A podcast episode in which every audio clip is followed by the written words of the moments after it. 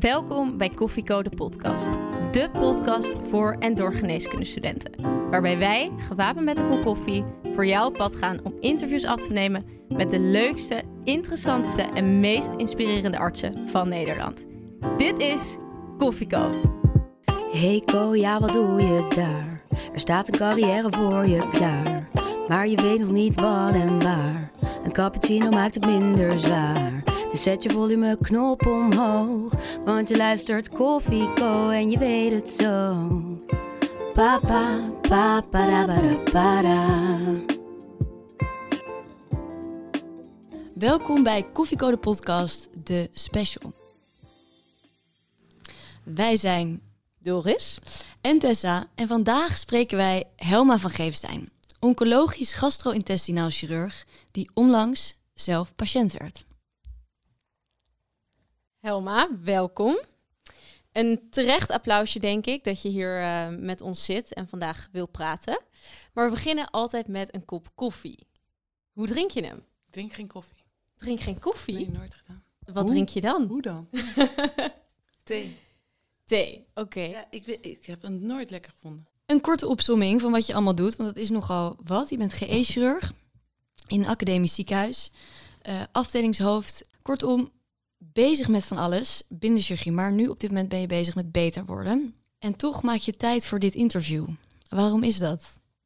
Ja, dat is wel een goede vraag. Ehm, dat komt eigenlijk omdat ik tijdens ehm, nou ja, mijn chemotijd dacht van ja, dat je echt een beetje met je ziel onder je arm loopt. Denk ik, ik moet hier wat mee. Ik moet dit verhaal wat je dan meemaakt, dat moet je kwijt. Dat kan je kwijt aan je vrienden, familie, aan, aan collega's. Maar ook dat er andere mensen eh, er beter van worden. En ehm, ik had jullie eh, podcast al wel eens beluisterd. En toen eh, zijn wij in contact gekomen, Tessa. En ehm, hadden we daar een gesprek over. En nou, toen hadden we bedacht, dat moeten we doen.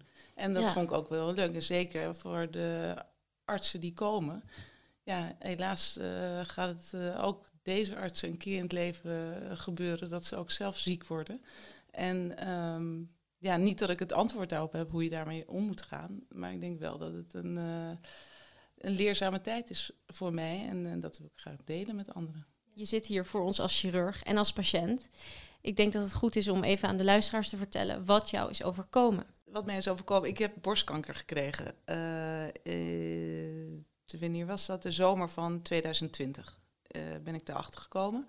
En ehm, daarvoor eh, moet ik behandeld worden. En dan heb ik chemotherapie-traject van eh 16 kuren chemotherapie, operatie en bestraling.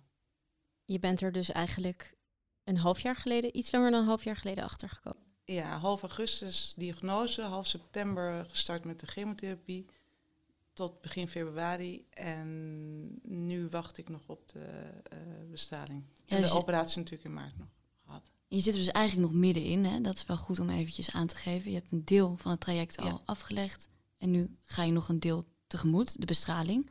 Ja, ik heb eh, de bestraling, ja, dat is komende maand. En ik ben vorige maand geopereerd, ja.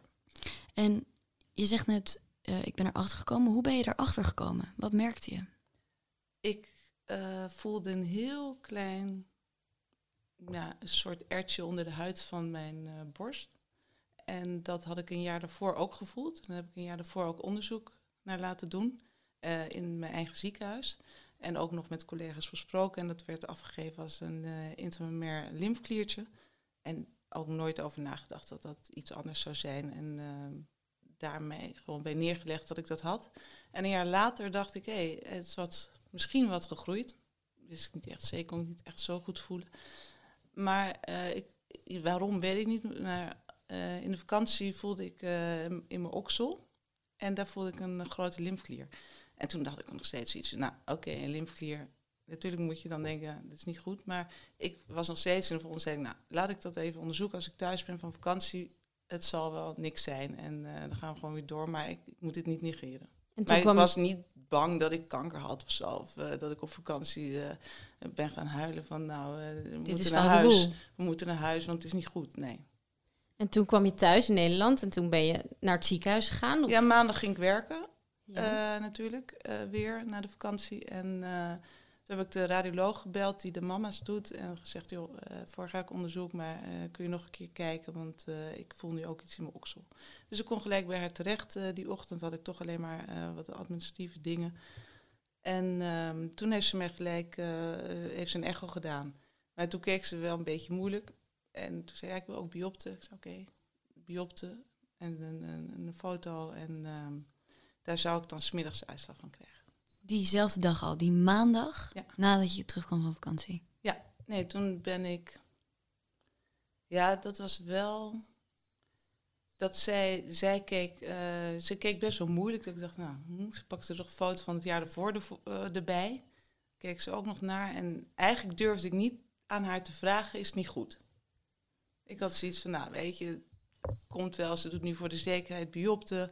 Want ze wil natuurlijk niet nog een keer wegsturen. En uh, komt goed. Maar zij drong erop aan van, nou, je moet, uh, je moet eventjes gaan, gaan praten met iemand. Of ik zie, joh, komt wel goed, ik ga gewoon weer werken en dan, zie je, dan, dan komt het wel. En toen ben ik wel even met een collega even een rondje gaan wandelen buiten. En dacht, joh, dat biop het zal wel meevallen. Het zal wel meevallen. En toen hebben we nog grappen gemaakt. want toen liepen we de radiotherapie ingang in en dan zag ik al die patiënten. En ik, oh nee, ja, nee, ik wil hier echt niet terechtkomen. Deze, deze, tussen deze mensen. Maar nee, dat hoeft ook niet. Nou, toen ben ik weer verder gaan werken en, um, ja. Uh, en toen kreeg ik de uitslag. En dat was ook weer zo raar, omdat je natuurlijk zelf uh, arts bent. En er was niet echt een mama-poli. Ik wilde het even om de mama-poli heen doen, omdat ik geen zin had om die verpleegkundige specialist te zien en, enzovoort enzovoort. Ja, want je kende iedereen daar dus. Ja, nou ja, en mijn eigen collega's, die, die, dat was niet zo erg, maar die hadden ook geen poli meer. Dus eigenlijk had, had ik afgesproken met de radio, radioloog van oké, okay, uh, het ligt nu bij de PA um, en zij bellen je voor de uitslag. En uh, professor van Diest, die belde uh. mij en um, die zei, ik kom even bij je langs of hij appte me geloof ik, kom even bij je langs. En ik heb gezegd, joh, ik loop vlak uh, bij je in de buurt, ik kom even naar jou toe. En uh, ik dacht, joh, die twijfelt natuurlijk te weinig materiaal of dit of dat. En nou, het zou goed zijn. En toen uh, zag, kwam ik hem al tegen de gang, zei, hey, hoi, en ja, loop maar even mee naar mijn kamer. En hij zei verder niks. Oké, okay, kut. Toen dacht ik wel, kut, normaal zeg je, joh, het is goed allemaal. Of, Wat gaat er dan door je heen als je dus... Nou, toen dacht ik wel even van, nou, hm, misschien is het toch niet goed, maar nee. En nog steeds toen dacht ik nog steeds, hij twijfelt, maar hij wil het nog niet zeggen. En toen zat hij daar en zei, ja, nee, het is allebei uh, uh, de lymfeklier en, en het biopt in de mama. Ik, nou ja, dan denk ik van, toen dacht ik van, ja, oh, ja, ja, dan weet je het gewoon even niet meer. Dus en hij zat van, ja, ik weet het ook niet, uh, ik, ik vertel ook nooit slecht, slecht nieuws. Ik doe nooit een slecht nieuwsgesprek. Want dit is een, even voor de goede orde, dit is een patholoog. Ja, ja. een patholoog zit natuurlijk ja. kijkt naar alle, alle preparaten en koepers en die zit bij het uh, MDO. Maar verder uh, heeft hij nooit een slecht nieuwsgesprek. Dus hij zat ook een beetje zo van, ja. En ik, ik moest natuurlijk wel even huilen, uh, omdat het allebei mijn lichaam was. Dus hij zei, ja, ja, nou, snel even zakdoek erbij en toen hebben we nog even gezeten en toen begon hij al heel erg over de therapie en wat er kon en dit en dat. En, nou ja. komt, dat dan, komt dat dan nog wel binnen? Ja, ja dit kwam wel uh, binnen nog steeds. En ook over de hormoonreceptoren op de tumor en wel en niet. En nou, daar hebben we het even over gehad. En toen, daarna ben ik dingen gaan regelen. Of regelen meer van, oh ja, nou, ja, wat moet je regelen? Je hoeft niks te regelen. Je moet gewoon zorgen dat je zo snel mogelijk een CT-scan of een MRI krijgt en een PET-scan. Dus dat ben ik toen gaan regelen. Hoe, hoe is het om daar te zitten en zoiets te horen, terwijl je eigenlijk de dag ervoor op vakantie bent en er niks aan de hand is? Ja, dat, dat viel wel mee eigenlijk. Het is, het is vreemd, maar je bent dan zo van, nou oké, okay, we gaan naar de volgende stap. En um, het is natuurlijk ontzettend kut wat er dan door je heen gaat. Ja. ja. Nou ja, dat vind ik ook wel weer moeilijk. Wat er door je heen gaat, dat je denkt, oh kut. Echt nooit aan gedacht dat je dit, dat ik kanker zou krijgen. Echt, je denkt eigenlijk van, nee. Uh, ja, je, je weet wel dat het waar is, maar dat je denkt, nou, dat ik dit krijg. Je kan het eigenlijk niet geloven. Nou, je gelooft het wel, maar je, want je moet gewoon verder. Maar Ja. dat, dat, je, ja, dat heb ik nog steeds wel eens. Dat je denkt, waar ben ik in beland? Ja, want het is echt van de een op de andere dag. Ja. Gaat En, het allemaal eh, een andere kant uit. Ja, dan gaat het even een andere kant uit. En dan denk je weer, oké, nou, huppakee. Je denkt eigenlijk als eerste van huppakee, opereren en eh, klaar ermee. Maar dat wist ik ook wel dat dat niet zou kunnen, omdat je al die palpabele lymfeklier eh, hebt. En dat je dan toch wel een ander behandeling, een behandeltraject in moet. Maar eigenlijk denk je, nou, snel die scan en, eh, en dan weten we meer, waar het nog meer zit. En ik heb toen ook niet getwijfeld van, eh, nou, het zit dadelijk door mijn hele lijf. Daar heb ik nooit aan gedacht. En nooit, eh, nou ja, mee bezig geweest. En dat was ook niet zo. Nee, Nee. het zat in de lymfeklier. En misschien nog een lymfeklier. Ehm, het, en dan die palpabele tumor in mijn borst. En ehm, verder zagen ze nog iets in de schildklier. Maar dat, was, eh, ja, dat moet nog onderzocht worden. Dat is waarschijnlijk niks. Maar daar is wel in geprikt, maar dat eh, was niet eh, representatief. En vond je het nou de manier waarop het slechte nieuws aan jou werd verteld, vond je dat een prettige manier? Of had je dat zelf liever anders gezien? Dit was natuurlijk geen prettige manier. Hoe, hoe lief hij het ook deed en bedoelde. En, maar dit is mijn eigen schuld. Omdat het zo ging. Want ik ben niet via de mamapolie gegaan. Ik had het zelf even, ik had zelf de radioloog gebeld voor de eh, echo. Ik had zelf eh, gezegd, joh, eh, dan neem ik wel contact op met eh, Van Diest. Of ik had zelf. Dus dat heb ik natuurlijk eh, zelf gedaan. En dat is niet zo handig natuurlijk, omdat je wel slecht nieuws had kunnen verwachten. Maar ik was zelf in de modus van, joh, dit zal wel, dit regel ik even tussendoor, dan weten we het weer, net zoals vorig jaar, is benigne. Had je het slechte nieuws liever op een andere manier gehad? Ehm, nou, ik denk niet dat dat zoveel uitmaakt uiteindelijk. Want het is, het is fijn. Kijk, omdat ik al zoveel weet ervan, is het oké op welke manier het ook komt. Maar voor een patiënt zou dit natuurlijk echt. Nee, ik ben een patiënt. Oké. Voor een, patiënt die wij gewoon normaal in het ziekenhuis behandelen, is het wel fijn dat er eh, gelijk iemand is om even met je te kletsen. Daarna om even gerust te stellen of eh, zoiets. En wij hebben slecht nieuwsgesprekken. Dat doe ik natuurlijk ook heel vaak op de poli. En dan heb ik daar, nou, daar heb ik natuurlijk, neem ik genoeg tijd voor. Maar soms heb je daar niet echt een uur de tijd voor. Maar dan hebben we altijd verpleegkundige specialisten die daarna de patiënt, of verpleegkundigen die op de poli werken, die daarna de patiënt nog meenemen en nog even koffie meedrinken of, of water of het troosten. En, en, en zorgen van, joh, eh, nou ja, een beetje geruststellen nog. En het verhaal nog een keer uitleggen. Want dat, kun je, dat is natuurlijk de vraag die je stelde. Van, kon je het nog wel horen? Kon je het nog wel wat eh, opnemen als je dat hoort? Ja, ik ben dan heel erg, huppakee, eh we gaan nu dit en dat en dan dat regelen. En dan, eh, omdat je precies weet wat er moet gebeuren. Maar een patiënt weet dat niet. Dus die, die slaat dicht. Die, die hoort helemaal niet meer wat de dokter zegt. Voor jou was het natuurlijk bekende materie. Je weet Ja. natuurlijk waar het over gaat. Maar zo'n arm om je heen of een kopje koffie met een verpleegkundig specialist. Ja. Dat kan me voorstellen dat je dat ook als dokter heb je daar behoefte aan als je in één klap zulk nieuws krijgt. Ja. Of niet? Ja, ook wel. Maar aan de andere kant heb je dan ook... eh, Natuurlijk wil je dat. En, en ik ben ehm, naar mijn collega gegaan. En ehm, ja, die, die waren ook allemaal heel lief voor me. En uiteindelijk hebben we de scans allemaal geregeld. En toen ben ik eh, naar huis gereden. Hoe vertel je dat zelf eigenlijk, slecht nieuws? Eigenlijk ben ik ehm, daar vrij direct in. Ehm, en, eh, niet om bot te zijn, maar wel van, nou oké, dit is. Maar wel altijd zorg dat we dan ook het verhaal daarna hebben. De, de behandeling die kan komen of, eh, of de mogelijkheden die er zijn. Dus ja, je hebt heel verschillende methodes. Je kan eerst heel erg eh, nou, over koetjes en kalfjes gaan praten en dan slecht nieuws brengen. Maar ja, patiënten komen voor die uitslag van de CT. Ze komen voor, de, voor het uitslag van het MDO. Dus dan kan je wel een heel verhaal over het weer gaan ophangen. Maar wat ik merk in de spreekkamer is gewoon het beste om ehm, direct dat te vertellen. En eh, een duidelijk verhaal te hebben. En dat is denk ik het belangrijkste wat je moet doen als arts. Een duidelijk verhaal en een plan voor de patiënt. En wat heel belangrijk vind ik, dat daar iemand bij zit, de verpleegkundige of verpleegkundige specialist, die mijn verhaal heeft gehoord En die daarna de patiënt mee kan nemen om nog even nazorg eh, te leveren. Voel jij eigenlijk patiënt? Ja, dat is een hele goede vraag. Ehm, nou, ik voelde me wel een patiënt toen ik elke week naar de chemo ging. Eh, maar ik werd niet echt behandeld als patiënt. Wat betekent dat eigenlijk, dat ze jou niet behandelen als patiënt?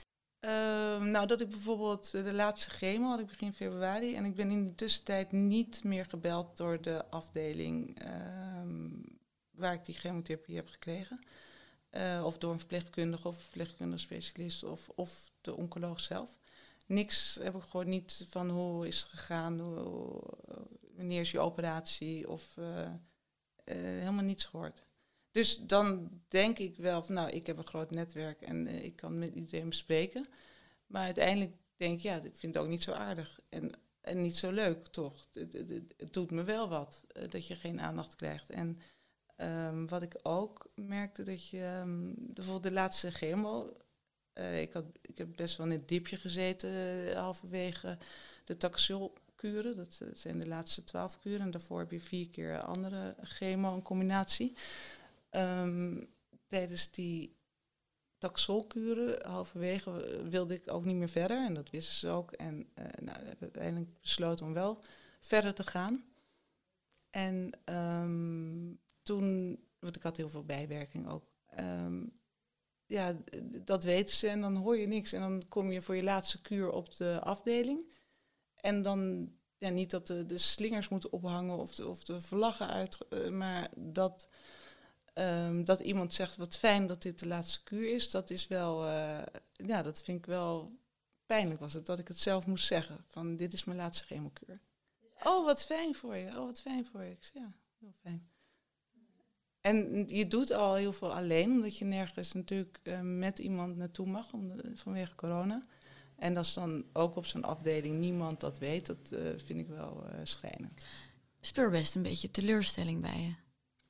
Dat je dat, dat je dat wel anders had gezien. Ja, nee, omdat jij die vraag voel je je wel patiënt. Op dat moment ja. ben je echt wel een patiënt als je aan die chemo zit. En uh, ik ben geen patiënt als het gaat om uh, de dingen geregeld te doen krijgen of afwachtend te zijn en, en de dokter uh, maar te laten. Maar in ja, weet je, tijdens je chemo ben je toch kwetsbaar, je voelt je niet lekker en dan wil je toch ook wel aandacht van het ziekenhuis waar je in behandeld wordt. Het is nu zoals we net al zeiden, het is nu meer dan een half jaar verder sinds dat je de diagnose hebt gekregen. Je hebt superveel diagnostiek, maar ook behandelingen achter de rug. Het is denk ik ook wel een hele zware tijd geweest.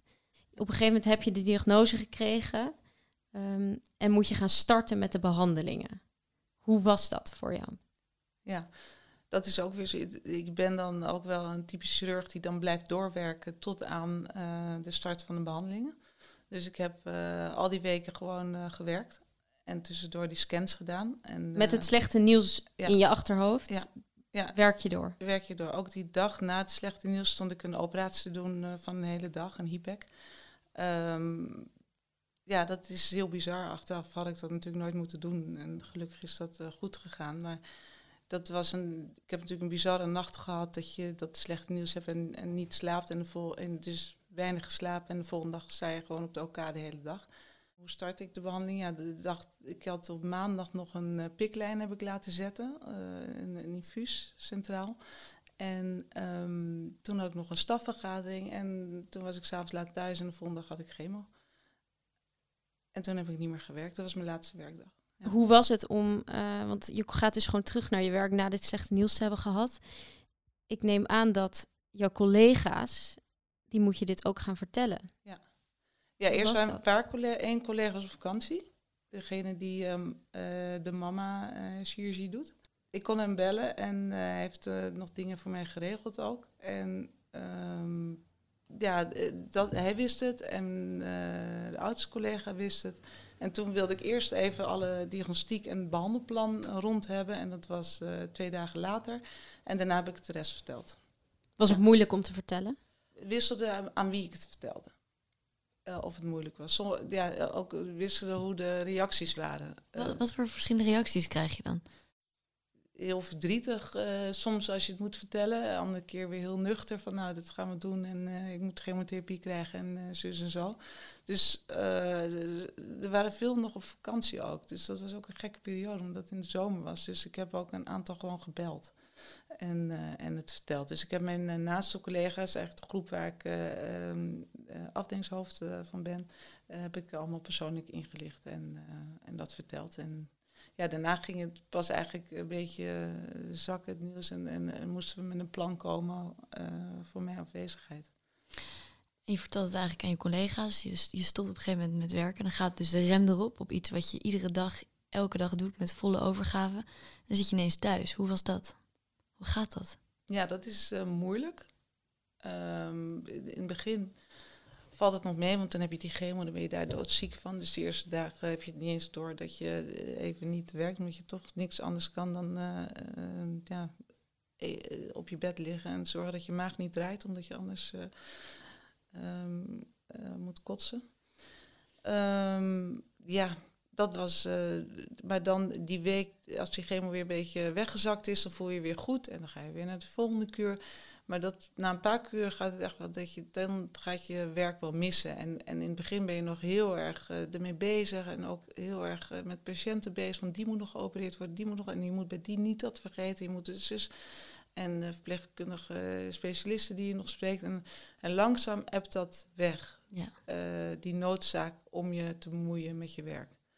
Um, en natuurlijk zei alle collega's van nee, je moet niks doen, je mag niks doen en uh, jij moet nu aan jezelf denken, aan jezelf denken. Maar dat is heel moeilijk om dat te doen. Heb je het je patiënten verteld? Nee, er kwam de oncoloog mee. Die zei van uh, misschien moet je het aan je patiënten vertellen uh, dat je er even niet bent. En sommige mensen sturen dan een brief naar de patiënten. Ik heb ervoor gekozen om dat niet te doen ik heb tegen de, mijn collega's en de verpleegkundige specialisten, als ze naar vragen, uh, hoef je geen geheim van te maken wat ik heb, want ze zien toch dat ik er een tijd niet ben. En sommige patiënten sturen een kaartje of laten wat uh, horen en anderen weten het gewoon niet en, en op een gegeven moment ben ik weer terug. Ja. Je, je, had er geen behoefte aan. Om, wat was de reden om het niet te vertellen? Aan de patiënten? Ja. Ja, nou, omdat je toch uh, in dat traject, je ziet de patiënten wisselen, afwisselen met de verpleegkundige specialist of de chirurg.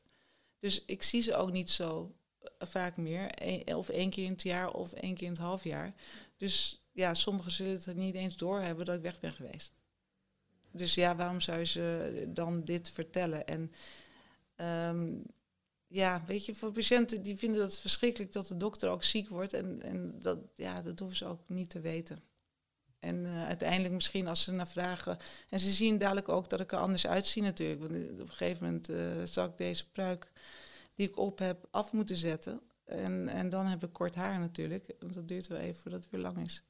En dan zullen ze wel wat zien. Ja. We hebben een, toen we jou gingen opzoeken, hebben we een foto gezien van jou met kort haar in een groep van heel veel mannen. Namelijk jouw collega-chirurgen die volgens mij nog steeds alleen maar uit mannen bestaan. Dus dan ga je eigenlijk weer terug naar het korte, korte kapsel. Ja, pittige korte kapsel. Dan hoor je, ben je weer one of the guys. Dan ben ik zeker one of the guys. maar ik heb er nooit zo uitgezien. Dan was ik toch one of the guys. Gek, hè? Kijk je daar naar uit om terug te gaan naar je werk? Ja, ja, absoluut. Maar uh, ook sommige momenten ook niet. Ik bedoel, uh, even niet werken geeft ook wel wat. Um, ik dacht, het is een soort uh, sabbatical die je hebt. Um, alleen, ja, dat klinkt heel raar, maar ik bedoel, ik hoef even niet te werken. En ik kan dus tijd doorbrengen met mijn uh, kinderen. Maar dan heb je corona en lockdown. Dus dat was mijn frustratie in januari. Dat ik denk, jezus, dan ben ik thuis. En dan uh, kan ik nu een keer wel naar de Efteling of naar de film of naar een museum of naar een andere stad. En dan kan ik niks met die kids. Dat, uh, nou ja, dat heb ik alweer, nou ben ik bijna weer vergeten, die frustratie. Maar dat had ik wel eventjes. Hoe gaat het met je kids? Ja, goed. Ja? Ja, ja ze zijn allemaal een andere leeftijd. Nog wel jong. Uh, maar uh, ze pakken het goed op en ze reageerden. Uh, toen het slechte nieuws aan, natuurlijk aan de kinderen moest vertellen, was het, reageerden ze allemaal anders. De oudste ging enorm huilen. De jongste ging weer verder met knutselen en tekenen, gaf me een kus. En de, de middelste wilde heel veel weten en stelde de juiste vragen. En, en ja, wel heel bijzonder ook. Uh, dat, dat, dat, is een jongen en die vroeg op een gegeven moment... Uh, uh, je zegt, ehm, wat zei hij nou? Je zegt agressieve therapie. Bedoel je een hele boze therapie of zo? En de volgende dag vertelde hij het ook aan al zijn vriendjes al. Want nou ja, hij ging naar het schoolplein te voetballen. Het was op zondag en toen kwamen ze terug. En toen was het zo, ja, mijn moeder kan geen kinderen meer krijgen. Um, want die heeft kanker. En, uh, en zo ging het maar door. En op een gegeven moment waren ze ook in het zwembad. Had een vriendinnetje een, wond. En dan moest pleister op en had de moeder gezegd, nou, hier krijg je even pleister, maar straks kan de moeder van Casper wel een nieuwe pleister plakken. Nee, dat kan niet, want die heeft kanker. Dus nou, ik was volledig uitgeschakeld in de ogen van sommige kinderen. Je kon niet eens meer pleister plakken. Geen dat pleister meer plakken, zelfs dat niet meer. Dus dat was, ja, elk kind reageert anders. En uh, het belangrijkste wat ik de kinderen eigenlijk mee heb gegeven, en uh, dat is uh, dat het goed komt dat ik genees. Ja. Dat dat gewoon bovenaan staat, dat het wel kanker is, maar dat het allemaal weggaat en dat, dat je dit makkelijk overleeft. Ik denk dat dat de enige boodschap is die ze moeten horen. En uh, verder hebben ze natuurlijk van alles meegemaakt tijdens de chemo en de emoties en, en, en, het niet, niet lekker voelen. En daar krijgen ze wel een tik van mee. En dan merk je aan de jongste die heel graag thuis wil zijn en niet veel wil spelen. En de oudste die net een beetje gaat puberen en dat, dat zij... Um, ja, ander gedrag vertoont. En ja, daar moet je gewoon allemaal mee omgaan en uh, ja, mee dealen. Maar dat, dat gaat goed, gelukkig. Gelukkig. Fijn. Ja.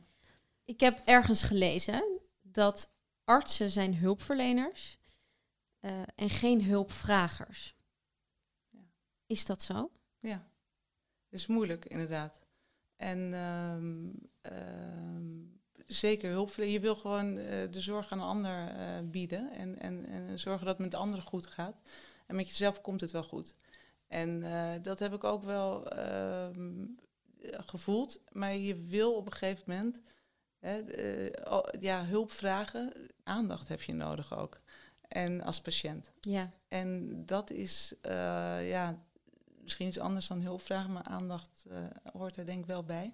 Was je daar voordat je ziek werd, was je daarvan bewust dat patiënten eigenlijk zoveel aandacht willen? Ja, eigenlijk zijn we daar wel een tijdje van bewust. Ook omdat wij de poli dusdanig hebben ingericht uh, met ja. verpleegkundige specialisten. Als je zelf e ja, gewoon te kort tijd hebt, omdat ze of naar de OK moet of uh, de volgende patiënt staat te wachten. Dat de patiënt altijd weer door kan om nog met iemand te praten. Want de patiënt heeft gewoon aandacht nodig.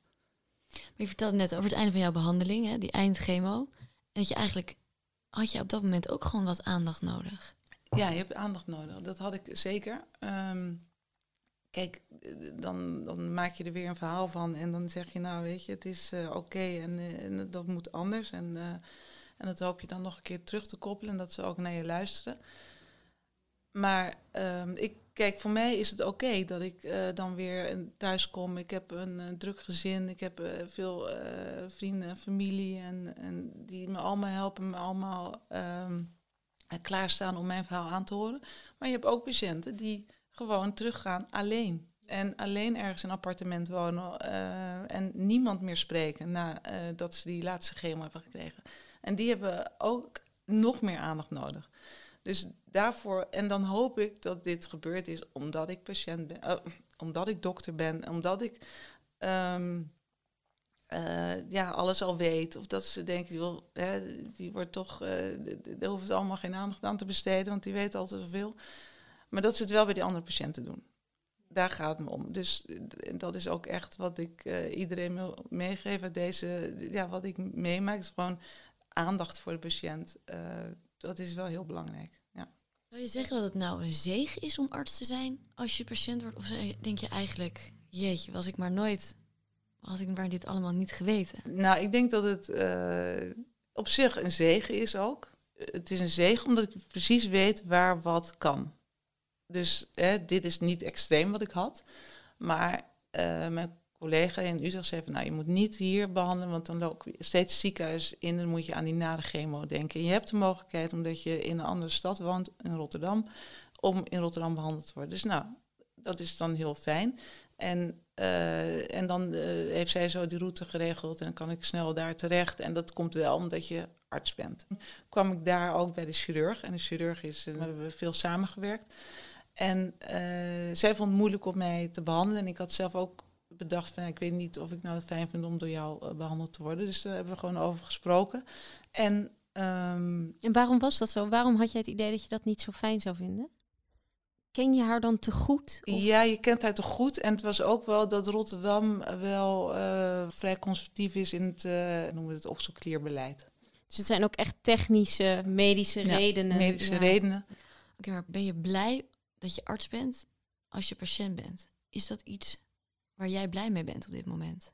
Ja, toch wel. Kijk, er zijn heel veel dingen die jullie gevraagd hebben. Denk je, ja, jezus, het komt natuurlijk allemaal doordat ik eh, mezelf te veel mee bemoei of eh, noem maar op.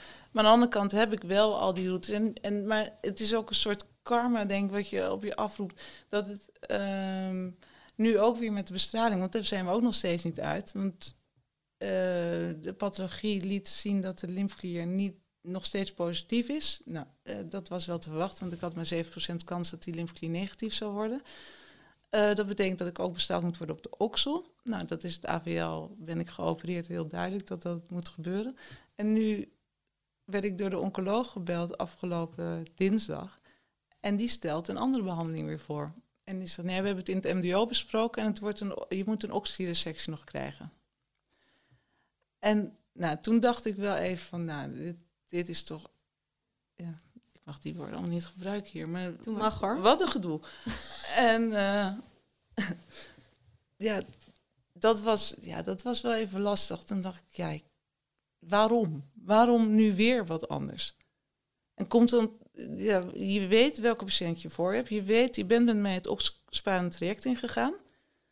Eh daar stonden ze achter. Dat hebben ze ook in hun MDO besproken. Dan kom ik terug uit, omdat ik geopereerd word in een ander ziekenhuis. Kom ik terug om daar wel de bestraling te ondergaan. En ik krijg een ander voorstel. En, ehm, en dan vraag je van waarom. En dan, eh, nou, dan krijg je daar geen antwoord op. En ja, dan moet je met de radiotherapeut bespreken. En daar ben ik ook vandaag geweest. En heb ik nog geen antwoord gekregen. En dat is wel af en toe eh, irritant. En dat is natuurlijk wel weer dat je arts bent. Dat je gewoon echt wil weten van waarom. Je bent kritisch als arts. Ja, En jij krijgt nu twee, twee behandelopties over je heen. En dat, dat, daar raak je eigenlijk al van heel erg van in de war. Maar kan je je voorstellen hoe dat dan dus is voor een patiënt die eigenlijk al van één ding in de war raakt? Dat, zeg maar, moet daar dan iets anders in? Of doen artsen nee, dat maar al dat, dat, dat moet ook anders. Want je gaat een traject in met een patiënt. Ook al word je in twee ziekenhuizen eh, behandeld eh, door omstandigheden. Vind ik dat je dat in oogschouw moet houden. En dat ze dan op een MDO bespreken eh, dat, eh, ja, dat een oxykeerde sectie beter zou zijn. Of dat ik dat zou moeten doen. Dan hebben ze in dat, dat, in dat MDO zitten slapen. Dan hebben ze niet gezien welke, welke patiënt ze voor ogen hebben. Dat het om een chirurg gaat. Dat de chirurg graag die armfuncties wil behouden. En geen lymfedeem van de arm wil krijgen. En eh, dat heb je gewoon minder met okselbestraling. En dat, dat, ze hebben dus een casus besproken zonder de patiënt erachter. En dat is gewoon slecht. En dat vind ik eh, naar om te merken, zeker in de laatste stadium van mijn behandeltraject. Maar dat gebeurt dus. Dat gebeurt dus. Ja. En dat vind ik ook, weet je, en dat probeer ik ook tijdens een MDO waar ik voor zit. Van oké, waar gaat het om? Wie is het? En dan, heel, weet je wat heel vaak gebeurt? En dan, dan, dan schrikken we zelf weer. Het is, dan gaan we heel ingewikkeld doen over patiënt. En dan komen we erachter dat de patiënt bijna 90 is.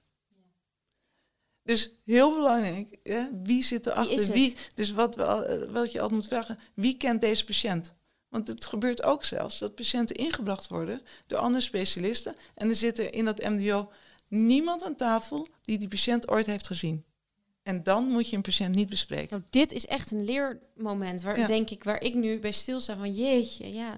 Want het gaat om dat iemand die die patiënt inbrengt op het multidisciplinaire overleg, de patiënt heeft gezien, weet eh, wat de beweegredenen van de patiënt zijn, weet eh, wat er nog meer achter die patiënt zit. En niet als een nummer, maar er doorheen hameren. Het heeft dus voordelen om, om arts te zijn als patiënt. Dat zeg je ook heel duidelijk. Je kan je ermee bemoeien, maar het nadeel is, je bemoeit je er ook Te veel mee. heel veel mee. En ik denk dat, ik, eh, dat, dat elke arts verschillend zal reageren als patiënt zijn. Dus dit is maar één verhaal, hè, mijn verhaal. Eh, dus er zijn eh, ja, misschien ook wel artsen die zich eh, gewoon wel meer laten leiden. Ik wil graag wel weten waarom ik wat krijg en waarom wel of niet. En ik ga ook zelf wel studies lezen. Ik heb zelfs een webinar over mama-chirurgie gevolgd of, of, de behandeling van mammacarcinoom. zou ik dat anders nooit zou doen, want ik, ik, ja, ik behandel gewoon geen mammacarcinomen. Er zijn natuurlijk ook dingen dat je denkt, ja, je kan het ook niet doen. Hè? Je kan het ook gewoon maar laten. En, en, en als ze zeggen, ja, we willen oxygenesectie doen, ja, oké, prima. Dat is, hoe, dat is natuurlijk hoe, hoe 90% of meer van de patiënten erin zit. Ja. En dat zou je, eh, dan is het denk ik veel fijner om patiënt te zijn. Of accepteer je het meer om Eigenlijk patiënt te zijn. Heel vaak zeg ik ook, eh, dat is ook niet goed, ja, ik ben niet ziek. Of ik heb niks. Ja, weet je, de helft van de tijd heb ik niks. Ja, ik heb eh, een paar maanden echt heel vervelend gehad met die chemotherapie. Maar ja, ondertussen wel alles blijven doen thuis. Of nog wat te werk of eh, nog onderzoek. Of, ja. Het is moeilijk om toe te geven. Ja. ja, dat is wel moeilijk. Maar uiteindelijk ben ik nu zoiets van, nou, ik ben er bijna uit. Dus ehm, moet ik nog gaan toegeven. ik ben, Je bent zo lang moet, volgehouden. ik nu, moet ik nu gaan toegeven dat ik patiënt ben? Nee. Nee? Nee, ik ben wel, ik ben wel, ik ben, nee, natuurlijk ben ik patiënt. Maar ehm, ik, ik hoop, kijk, vooraf zeiden mensen van, nou, dit is, dit, eh, deze tijd, dit is ook een belangrijke tijd, of een tijd die nooit meer terugkomt. Nee, dat hoop ik zeker. Maar eh, dat je er ook de positieve kanten voor, eh, van in moet zien. Maar zijn die er? Wat zijn die? Ja, wat zijn die? Dat vind ik een hele. Dat, nou, weet je, wat zijn? Dat je tijd thuis hebt hè, met Ja. de kinderen. Maar ja, weet je, dat is ook weer dat corona-verhaal. Ik heb allemaal hobby's ontwikkeld. Ik heb een naaimachine gekocht. Ik ben echt heel ver gekomen, alleen maar scrunchies gemaakt. Ehm, daarna- dat ding staat nu ergens in een hoek. Maar weet je, als, ik, eh, ja, als een broek kapot is, kan ik hem maken. Ik geloof het. ik geloof het zeker. En wat nog en, meer? En, en ik, heb een, ik kan heel slecht koken. Ik, ja, ik vind koken echt verschrikkelijk. Maar ik weet ook wel gek thuis van het eten wat elke keer hetzelfde is. Nou, dan ga je met Hello Fresh, Marley Spoon, dan ga je aan de slag. Nou, daar werden de kinderen niet heel blij van. Ehm, en nu heb ik een, dat was wel weer geestig, Eh, een, ehm, een vrouw kwam bij me langs eh, voor een eh, Thermomix-apparaat. Dus een soort telcel, maar dan ben je thuis. Dus twee uur lang gaan koken bij mij met zo'n apparaat. Dat is dus een apparaat waar je niet voor hoeft te kunnen koken, want er staat op het display precies wat je erin moet gooien en is allemaal computergestuurd. Ideaal. en ver- verder eh, ehm, eh, schaken op, de, op mijn telefoon. Word, eh. Ja. Ehm, nou, wat doe je nog meer? Alle gekke hobby's. Gekke hobby's. Ik denk dat ik nog wel een keer eh, terug kan kijken van nou, wat heb je nou echt ehm, gedaan in deze periode. En dat is ook weer de druk die je zelf oplegt. van, Oh, mijn dagen moeten nuttig zijn. Ik moet, ik moet wat gedaan hebben. Ik moet wat gedaan hebben. Zijn er dingen die je, doordat je nu dit allemaal hebt meegemaakt en aan het meemaken bent, zijn er dingen waarvan je nu al denkt, dit ga ik later als arts, als ik weer terug ben in de kliniek, ga ik anders doen, doordat ik nu patiënt ben geweest? Ja, er zijn wel dingen die je anders moet doen. Je moet nog meer aandacht aan de patiënt geven. Ik kan beter invoelen wat er nou echt is, die chemo. Ook al is de patiënten die ik behandel krijgen ander soort chemo.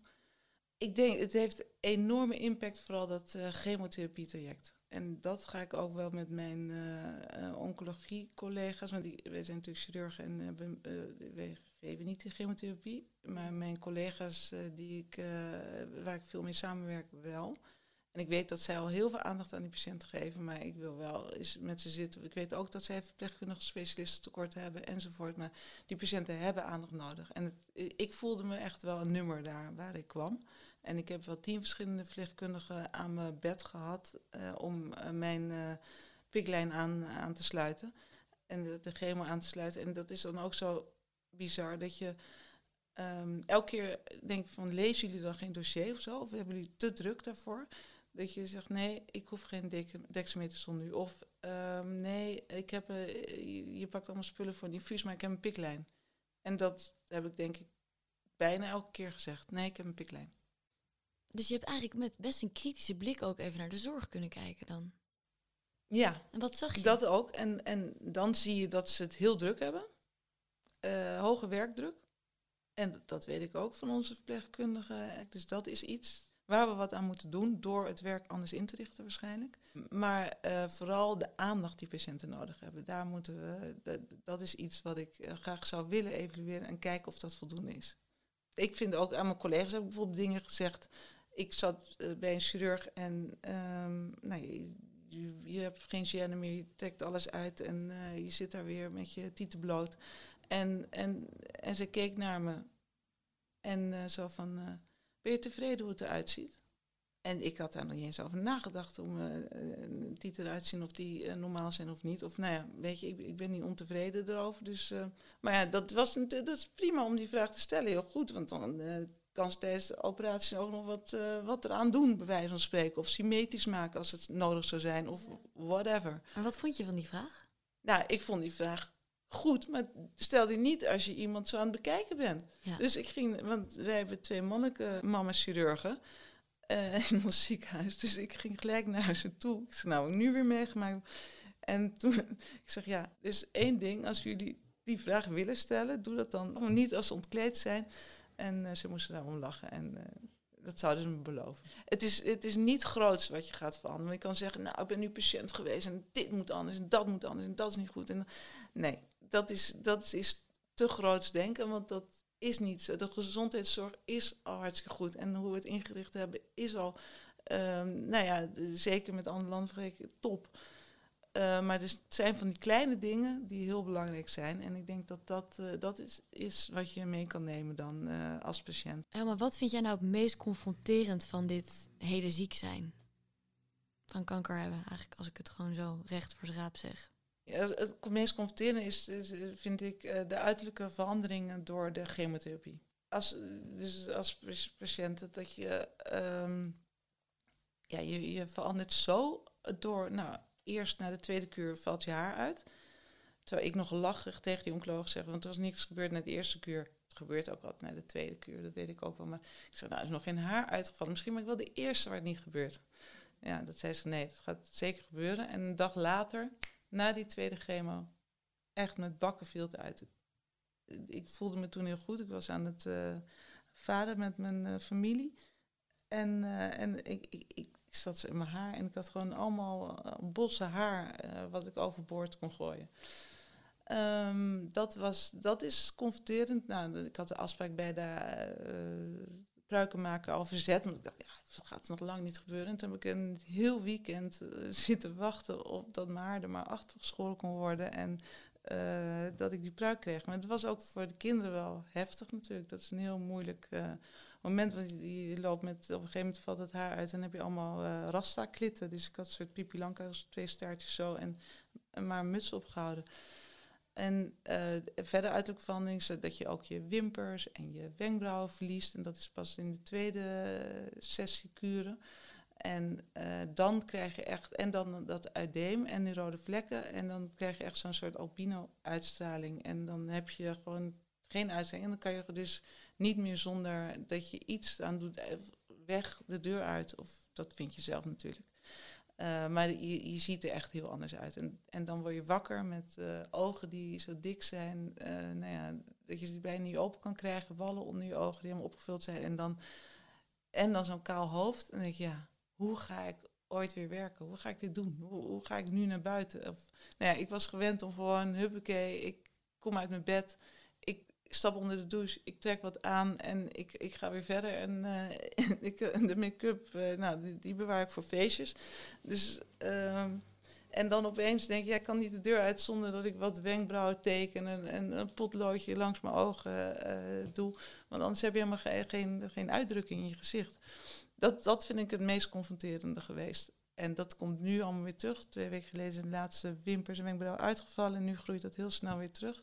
Ja, mijn haar, ja, dat, is, uh, dat zijn nog uh, hele kleine stekeltjes. En heel weinig. Dus uh, die pruik laten we nog maar even op. Er was laatst beschreven dat chirurgen gemiddeld acht jaar minder lang leven. Ja. Voel je daar zelf iets van terug? Nu wel, ja. ja. En waar ligt dat aan? Nou, weet je, ik heb nooit gedacht dat ik geen tachtig zou worden. Of dat ik nee, nog ouder zou worden. Nooit, nooit aangetwijfeld. Nooit een minuut aangetwijfeld. Want ik, ik sport, ik leef gezond. Ik, uh, nou ja, totdat ik deze diagnose kreeg.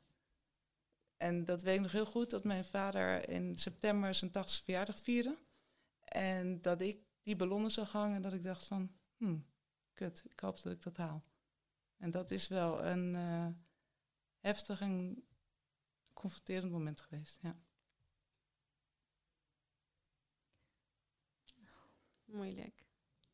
Denk je daarover na? Over doodgaan?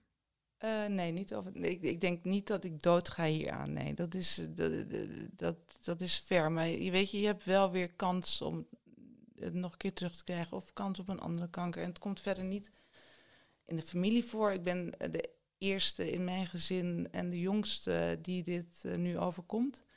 Um, dus dat is ook wel raar. Dat is ook raar voor mijn ouders natuurlijk. En, en dat is wat ik vertel over mijn vaders 80ste verjaardag. Dat ik altijd juist bij hem getwijfeld had of hij het wel zou redden. Door zijn levensstijl en, en, en uh, ja, nou ja, een mooie levensstijl, maar niet altijd de meest gezonde levensstijl. En gelukkig heeft hij het gehaald en is hij uh, nou, nog hartstikke fit. En, uh, en daar ben ik ook heel blij en dankbaar voor. Maar dat confronteerde mij wel eventjes met van nou, hè, net toen ik die diagnose had, ik nou, ga ik dat wel redden? ik, ik zal er niet anders door gaan leven. En ik zal ook niet uh, nou, de, de, daar elke dag over nou, oh, ik ga het niet halen, ik ga het niet halen. Maar uh, het, het, het, het, ja, het, zet je wel even op scherp. Ja. Is het een periode die je, als je straks beter bent, zo snel mogelijk eigenlijk weer wil vergeten? Nou, ik denk dat het wel een periode is die je niet kan vergeten. En ik hoef hem ook niet te vergeten, want ik, ik kijk er niet nu nog niet heel erg naar uh, ja, of, of op terug, laat ik het zo zeggen. Dat ik uh, denk, nou, dit wil ik echt. Nou, natuurlijk wil je dit niet meemaken, maar het is me meegevallen tot nu toe. En ik denk dat ik als nou ja, werken, dat heb ik op een gegeven moment ook even gedacht, joh, losgelaten. Dat heb ik heel erg geprobeerd. En, uh, en ik ben er heel erg eh, voor mijn gezin uh, geweest, voor de kinderen. Ik denk dat zij het wel fijn vonden dat ik er was, ook in de lockdown. En dat kon helpen school, dat niet allemaal door oppasjes geregeld moest worden. Dus, en die zeiden op een gegeven moment, ja, het leuke van kanker is dat je heel veel cadeautjes krijgt. En nou, de, de, de chocola, de berg chocolade die ik heb gekregen, dat, nou, daar hebben zij van genoten. En, en ander snoepgoed. En nou ja, en verder heb ik uh, denk ik uh, nou, tot uh, een aantal weken geleden nooit zonder bloemen ben ik geweest. En ik had al een titel voor het boek en geen dag zonder bloemen. Komt er, komt er een boek eigenlijk? Nee, heb je niet zo'n goede schrijver. Een hele goede titelmaker. Ik, ik, kan alleen titels verzinnen. Ja. Nee, dat, um, nee. Wie, wie is Helma de chirurg? Mij, of wat bij mij dan hoort. Ja. Uh, aandacht en tijd voor de patiënten. Ook toen? Ook toen. En altijd al geweest? Eigenlijk, ja, dat is, dat is misschien makkelijke, makkelijke inkopper, omdat ik dat heel belangrijk vind. Uh, maar ik heb altijd al geprobeerd de patiënten uh, op dusdanige manier te benaderen en, en aandacht voor ze te hebben dat ze het verhaal, als ze de, de kamer uitliepen, het verhaal begrijpen wat ik vertel. En uh, dat, nou ja, dat, dat zeg ik. Ik vind het belangrijk. Ik heb het ook gemerkt als patiënt dat het belangrijk is. En ik krijg het ook wel teruggekoppeld dat, dat, dat ik dat uh, goed doe of gedaan heb. Ik vroeg je wie is Helma de chirurg? En nu vraag ik je wie is Helma de patiënt? Meegaand. nou ja. Helemaal niet. wie is Helma de patiënt? Als je echt eens even heel eerlijk in de spiegel durft te kijken. Waarschijnlijk ben ik een lastige patiënt die heel veel vraagt en die alles wil weten uh, van die dokter die me behandelt. Maar ik vind dat ook wel terecht en ik denk dat ik ook met de dokter die tegenover me zit op dat niveau kan uh, discussiëren over de behandeling. En, um, dus ik vind dat niet, niet erg, maar uh, ik ben niet de makkelijkste patiënt. Maar zou niet iedereen dit doen? Als iedereen uh, de, de kennis, de contacten, de, als iedereen dat ja. had, dan zou toch iedereen dit doen? Ja. Ja, maar dan denk ik ook wel terug aan die, die, die wat mijn collega zei van laat je behandelen zoals iedere andere normale patiënt. Hè? En iedere andere normale patiënt gaat niet nog te raden bij een ander. Maar, maar wat is de les dan? Hè, de les is van geef je patiënten aandacht, maar wat is de les? Want we hebben het over de les gehad van wat je zelf leert en meeneemt in je praktijk, maar wat leer je als je patiënt wordt? Ja. Nou, wat leer je als je patiënt wordt? Wat leer je dan? Nou, dat je soms misschien wat meer moet overgeven. En misschien ook juist die aandacht moet opeisen. Die, uh, de, de ander soort aandacht, juist die armen om je heen meer moet opeisen. Want ik weet ook, bij de oncoloog heb ik uh, op de verjaardag van onze jongste dochter gezeten. En toen ben ik weggerend, want uh, nou, uh, we hadden taart, maar ik moest om half zes daar zijn. En dan ga je er ook twee uur, ben je daar, twee uur met haar gesproken. En heel zakelijk, allemaal over, allemaal over statistieke dingen. Ik denk achteraf, why? Waarom heb ik daar twee uur gezeten terwijl we nog met een verjaardag bezig waren? Ja, meer ook omdat je weer alles wil weten. En dat je het over alle studies hebt en over nou, wat je kan verwachten en, uh, enzovoort, enzovoort. Had je die realisatie al voordat je hier was vanavond, dat je misschien wat meer moet overgeven aan... Nee, jullie hebben mij echt wel inzicht gegeven deze sessie. het lijkt wel sessie. Ik, ja, ik wil wel terugkomen. We kunnen denk ik nog uren doorgaan. Ja. Dat denk ik echt. Maar ik denk eigenlijk dat we jou moeten vragen om een laatste mooie tip. Uh, zoals we dat eigenlijk altijd vragen. Heb jij een tip voor iets of iemand um, die hier naar luistert? Ik heb een tip voor de, de co-studenten die luisteren hier. Want dat vind ik het belangrijkste publiek uh, die ik aan wil spreken. Want um, weet je, dit is een ervaring die ik heb als patiënt. En ik hoop eigenlijk dat alle co-studenten dit niet gaan ervaren. Maar ja, helaas uh, hebben we dat allemaal niet voor het zeggen. En, um, maar ik hoop dat jullie um, met wat je ook doet en welke twijfels je ook hebt over uh, de keuze die je moet gaan maken, dat je gewoon je hart kan volgen. En dat je, daar, ja, dat je gewoon daarbij moet blijven. En dat je, uh, hoe moeilijk de hobbels ook zijn, denk ik dat je als je uh, wat wilt bereiken, in welk vak dan ook, dat dat ook uh, gaat lukken. En, en hou je daaraan vast. En, en um, wat belangrijk daar in dat proces is, door daarover te praten met andere mensen. Want het is natuurlijk heel moeilijk keuze maken. Het is een hele andere tijd dan ik misschien de keuze moest maken om de opleiding heel kunde in te gaan.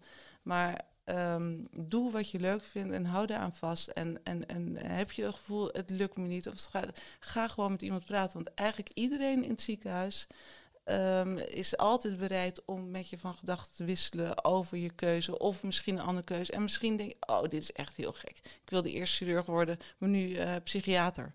Nou, dat vinden ze vast heel raar, want ik ben gepromoveerd bij de heelkunde. Dat is niet raar, dat is heel normaal. Of, of een ander vak. Dus praat daar gewoon over uh, met, uh, nou, met je peers, maar ook gewoon uh, met de specialisten. Durf ze gewoon een e-mail te sturen. Want nou ja, sowieso sta ik er altijd voor open, maar ik weet al mijn collega's ook. Dat wil ik eigenlijk meegeven. Hele waardevolle tip. ik ga wat mailtjes eruit sturen, denk ik. ja, ik heb toch niks te doen.